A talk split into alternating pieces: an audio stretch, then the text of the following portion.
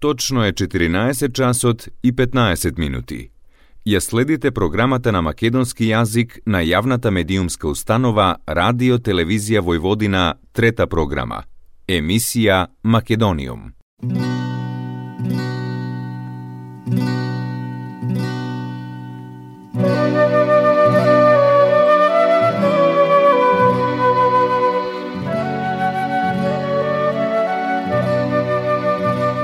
Македониум.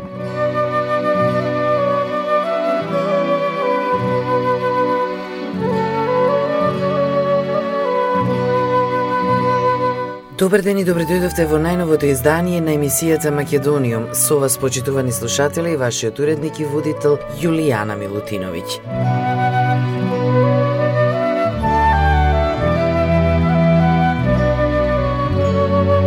Македониум. Она што пред помалку од два месеци беше само како најава на вчерашната владина седница во Република Северна Македонија, разгледан е и усвоен усогласениот текст на спогодбата помеѓу владите на Република Северна Македонија и Република Србија за основање на културно-информативни центри во Скопје и во Белград, која што ќе подпише министерот за надворешни работи на Република Северна Македонија Бујар Османи. Македониум. Годинешната галичка свадба е еден од најубавите културни настани во државата што ја обележуваат богатата македонска традиција, ќе биде најскапа досега, а ќе се одржува од 15 до 17 јули. На Facebook профилот на местната заедница Галичник веќе е објавен повикот за пријавување на зети невеста, а сватовите заедно со младинците и со присутните во Галичник, како што се дознава, годинава ќе имаат можност да уживаат во концерт со песник, со чест на легендарниот пеач и композитор на македонски народни песни, галичанецот Александар Сариевски, во изведба на естрадни уметници. Според председателот на местната заедница Александар Костич добиле 1,5 милиони денари за реализација, што е дупло повеќе од лани. Советот на местната заедница Галичник доби милиони и пол денари, но треба да се нагласи дека истовремено во петокот непосредно пред самата свадба, но во низините рамки, ќе се организира концерт по повод 100 години од раѓањето на Александар Сариевски.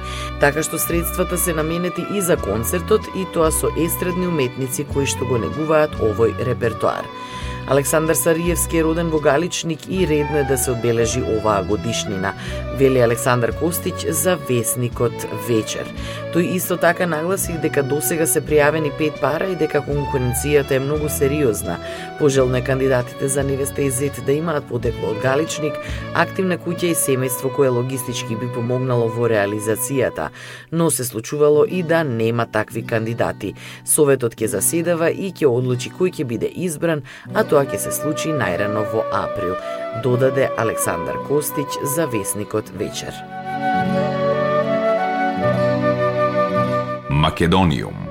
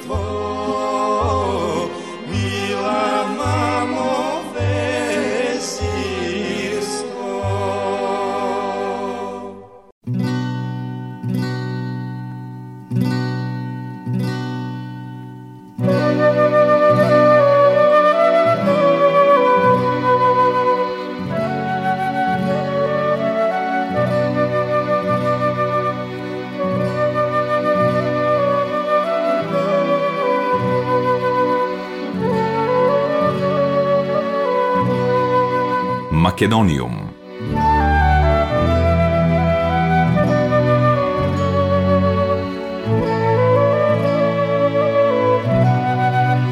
Феминистичката платформа Медуза од Скопје и Центарот за визуелна антропологија од Белград во петок организираат проекција на два кратки документарни филмови Заедно сложни жени Дискоградот од Скопје и Слободни линии од Белград. Проекцијата на кратките филмови ќе се одржи во Котур на 25 февруари со почеток во 19 часот и 30 минути. Ке прикажуваме два истражувачки пријателски документарни филмови кои се плод на соработка помеѓу феминистичката платформа Медуза од Скопје и Центарот за визуелна антропологија од Београд, а тргнуваат од предпоставката дека делувањето на жени и квирлица во доминантно машки простори, какви што се и домените во нашиот фокус, може да ги промени постечките услови и релации и создаде нови, велат од Медуза Оттаму дополнуваат дека документарниот филм заедно сложни жени дискоградат одблизу ги представува животот, развојот, меѓусебните врски, соработки, препреки и борба за екзистенција пред и за време на здравствената криза на неколку фигури од културниот живот на град Скопје, а чија работа беше целосно оневозможена за време на снимањето на филмот. Документарецот ги вклучува Еми Ермилова, Сонја Исмел, Вера Венедетат, Ивана Дракшиќ, Илина Ангел, Ана Мало и Зоки Бейбе, кои зборуваат за своето минато и за иднината во оваа професија. Овој филм трае 39 минути. Документарниот филм Слободни линии се занимава со односот кон работата во уметничкото квир студио во Белград Тетоважи. Протагонистките, тату уметници, зборуваат за тату уметноста и вештината, родот и политичките позиции во нивното студио за тетовирање. Во филмот се среќаваме со Маја Аргелан, Ива Богдановиќ, Кристина Кастелац и Миријана Радовановиќ од Тетоважи, како што објаснуваат од Медуза. Овој филм трае 23 минути.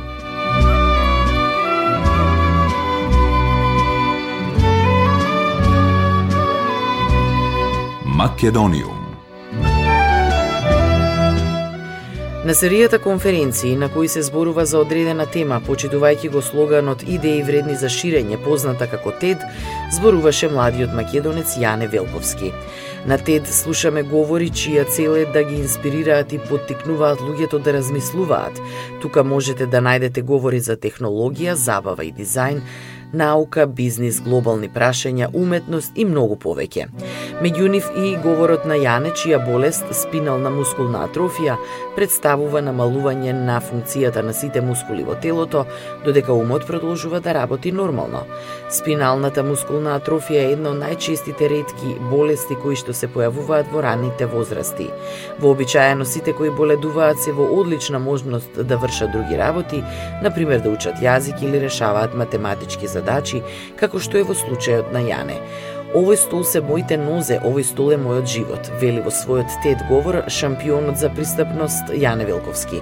Во својот говор тој кажува дека е ученик во државно училиште, фудбалот е негова голема пасија и дека благодарение на УЕФА, Обединетата Европска фудбалска асоциација, имал можност да се запознае со важни личности во фудбалот. Јане зборува за независноста и слободата што му се овозможени благодарение на неговата асистивна инвалидска количка. Не е случајност што се ова ми се случи мене, не затоа што беше лесно да се направи, туку ја имав поддршката на своите родители, можноста да се образувам и се разбира оваа модернизирана количка. Јас се чувствувам слободен и независен со оваа количка, вели тој, и истакнува дека не секој што ја има оваа болест може да си дозволи ваква количка. Во нашата држава, додека не започне образовниот процес кај децата во обичаено на 6 годишна возраст, тие немаат право на ваква количка. Јас својата не ја добив од семејството ниту од владата, ја добив на сосема друг начин, преку донација од семејство во Соединетите држави. Тоа беше подарок за мене во секоја смисла на зборот. Кога бев помал, моите родители зборуваа во мое име, но сега ја имам слободата тоа да го правам за себе. Со количката можам да одам секаде со моите пријатели да носам книги или други работи што ми се потребни за основните обврски. Можете ли да замислите како би изгледало моето детство без оваа количка? Прашува Јане во видеото. Живееме во општество кое не е многу пријателски конструирано и достапно за млади луѓе со инвалидитет. Треба да размислуваме да се промени и тоа човек што може да оди има потреба од помош во други работи што јас можам да ги правам добро. Например, јас можам да му помогнам на мојот другар во решавање на тестот по математика, додека тој мене може да ми помогне за мојот училишен ранец. Јас не ја забележувам разликата тука, истакнува младиот активист во видеото на TED. Јане како амбасадор на УНИЦЕФ беше говорник и на годинешниот самит на Обединетите нации во Њујорк и беше дел од прославата за одбележување на Светскиот ден на децата во 2019 година. Многу убаво јасно и сталожено, Јане образложува како неговата прва моторизирана инвалидска количка му овозможила независност и способност и зошто асистивната технологија треба да биде достапна за секој кому му е потребна. Слободата на движење без разлика дали е движење со нозе или на тркала е човеково право, вели Јане. Македониум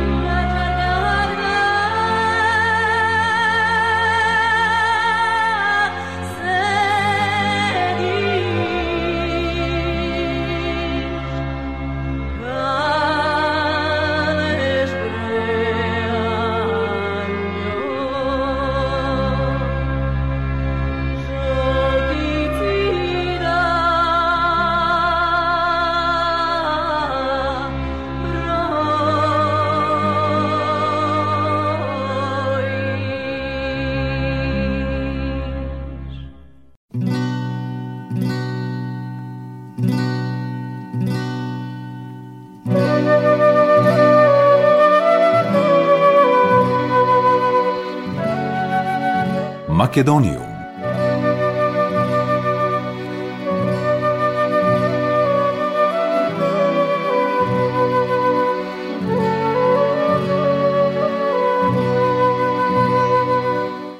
Влегувањето на договорот меѓу Скопје и Софија во преговарачка рамка во Европската Унија според Малинка Ристевска Јорданова ќе го преокупира преговарачкиот процес па нема да остане ништо од објективните критериуми за европеизација. Ваква можност да деновиве ја навестија македонските и бугарски политичари.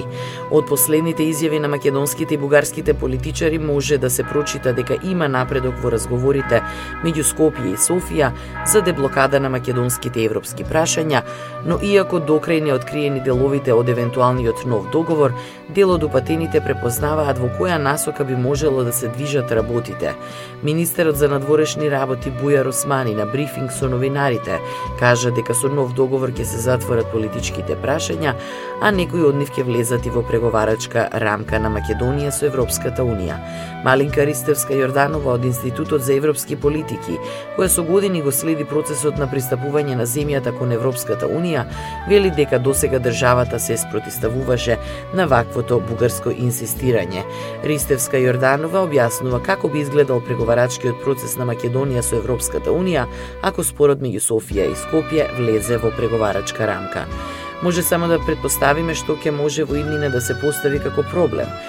Сето тоа колку ќе го преокупира преговарачкиот процес што реално од објективните критериуми од вистинскиот процес на европеизација ќе остане ништо или многу малку, тоа е големата опасност, вели Ристевска Јорданова за Македонската информативна агенција. Инаку едно од првите барања на Бугарија уште пред да ја воспостави блокадата беше нивните позиции да бидат опфатени во преговарачка рамка на Македонија со Европската Унија. Тоа тогаш не беше прифатливо за официјално Скопје, па се инсистираше на прифаќање на преговарачката рамка, што беше, односно, без метнување на бугарските барања. Истото барање на официјална Софија, востановено од владата предводена од Герб, остана и следните две години, а повторни од техничката влада кај источниот сосед и од новата на Кирил Петков. Македониум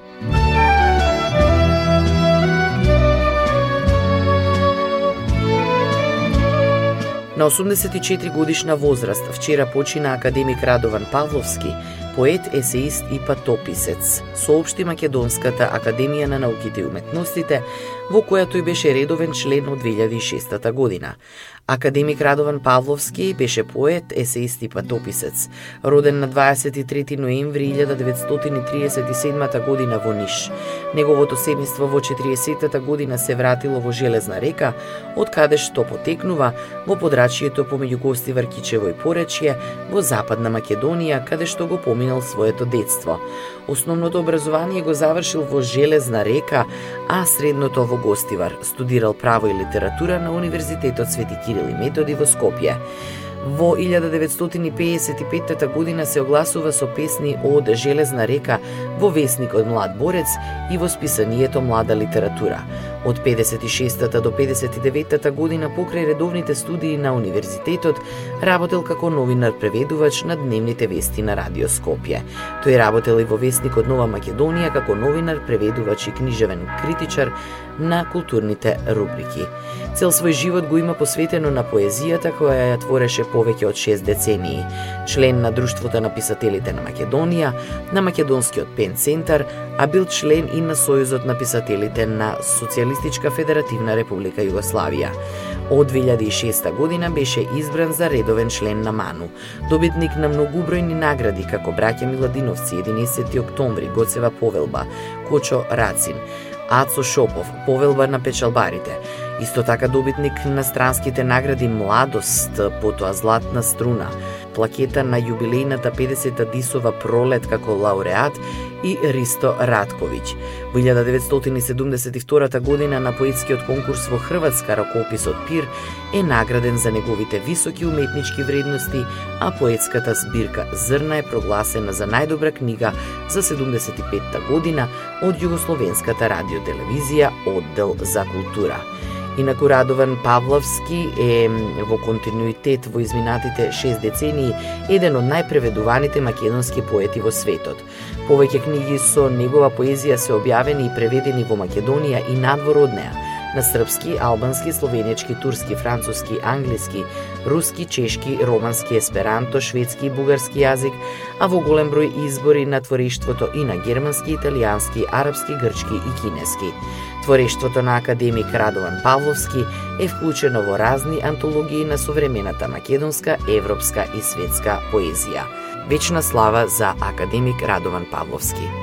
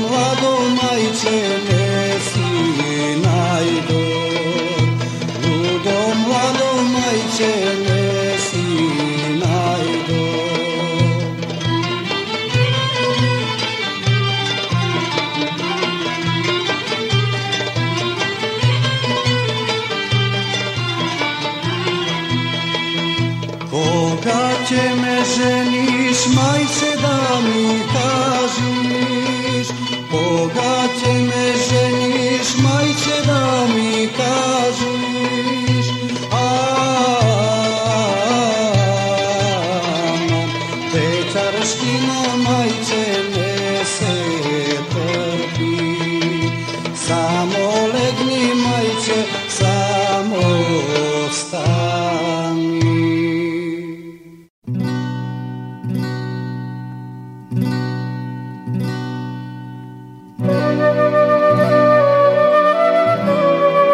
Почитувани слушатели, тоа беше се во денешното издание на емисијата Македониум.